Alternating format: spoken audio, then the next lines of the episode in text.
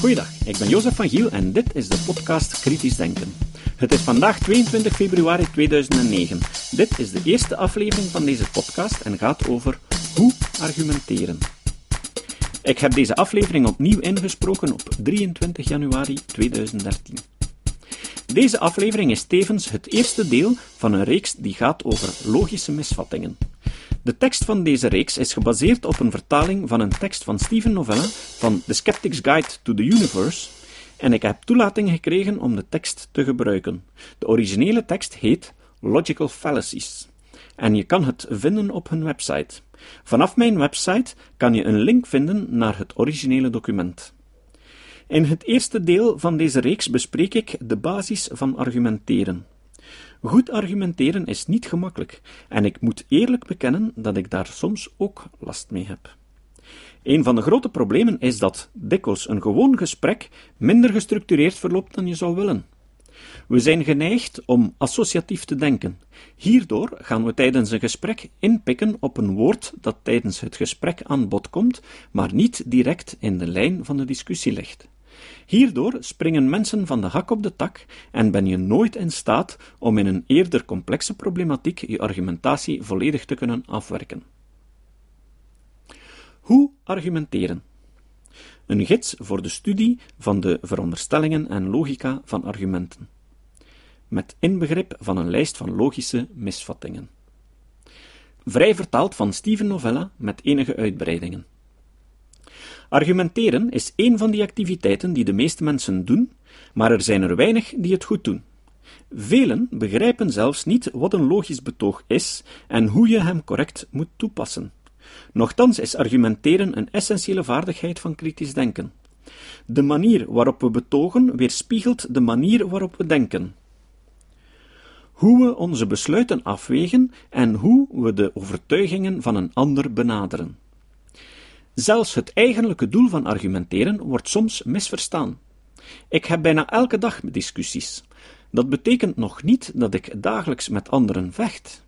Ik heb eerder discussies die te maken hebben met het proberen om een ander te overtuigen van een bepaald besluit of het oplossen van een tegenstrijdige conclusie over een feitelijke materie. In de meeste discussies word ik geconfronteerd met de andere persoon die een positie heeft ingenomen dat hij afgunstig verdedigt, alsof hij een duurbetaalde advocaat was die zijn cliënt verdedigt.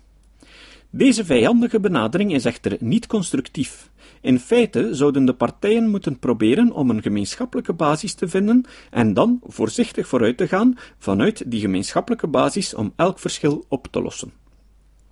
Het mooie van een logische argumentatie is dat ze, wel, logisch is.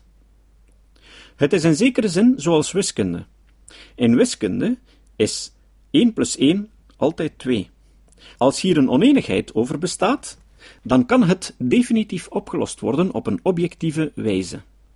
Stel dat twee personen hetzelfde wiskundige probleem aanpakken en op verschillende antwoorden uitkomen. Hoe zouden ze dan moeten reageren? Zouden ze dan elk tegen gelijk welke kost hun resultaat moeten verdedigen? Of zouden ze elkaars oplossingen moeten onderzoeken en uitvissen of de ene dan wel de andere, misschien zelfs beide, fouten bevatten en dan de fouten oplossen om het juiste resultaat te vinden? Zo ook, als twee mensen tot een verschillend besluit kwamen voor een feitelijke bewering, moet één van beiden verkeerd zijn. Beiden kunnen onmogelijk samen juist zijn. Dat betekent dat een van hen, of beiden, een fout moet gemaakt hebben in de argumentatie dat ze gebruiken om tot hun besluit te komen. Beide partijen zouden dan moeten samenwerken om elkaars argumenten te bestuderen ten einde de fouten te vinden en op te lossen.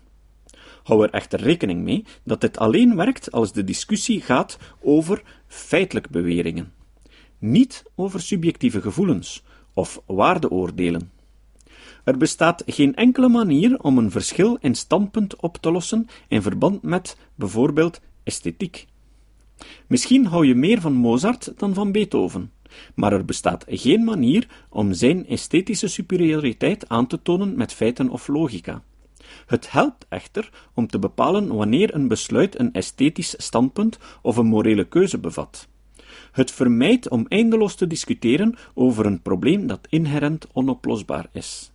Nota van de vertaler, vertrekkende van bepaalde esthetische of morele standpunten, kan je natuurlijk wel logische gevolgen die daaruit voortvloeien bediscuteren. Het abortusdebat is hier een goed voorbeeld van. Uiteindelijk komen alle argumenten rond abortus neer op een persoonlijke morele keuze. Wat zou een grotere waarde moeten hebben? Het recht van de moeder om keuzes te maken over haar eigen lichaam, of het recht van de foetus om niet te worden gedood? Elke poging om dit objectief op te lossen heeft geleid tot meer argumentatie, die van waardeoordelen afhangt. Bijvoorbeeld, op welk moment bij of na de bevruchting wordt een embryo of foetus een persoon?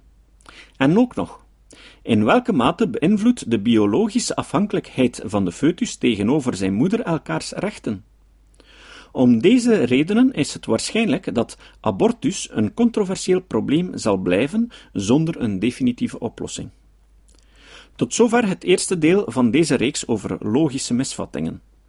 Voor we de verschillende logische misvattingen bespreken, zal ik de volgende keer spreken over de structuur van een logische bewering en over het bestuderen van je eigen premissen.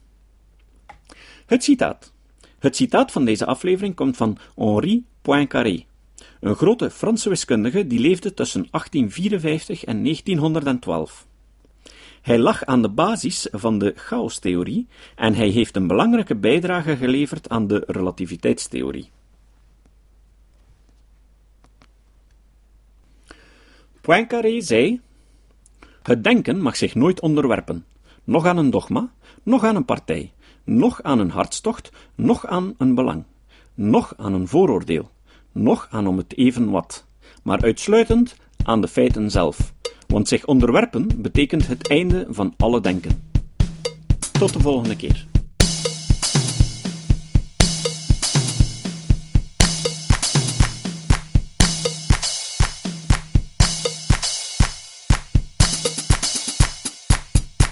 Dit was de podcast Kritisch Denken.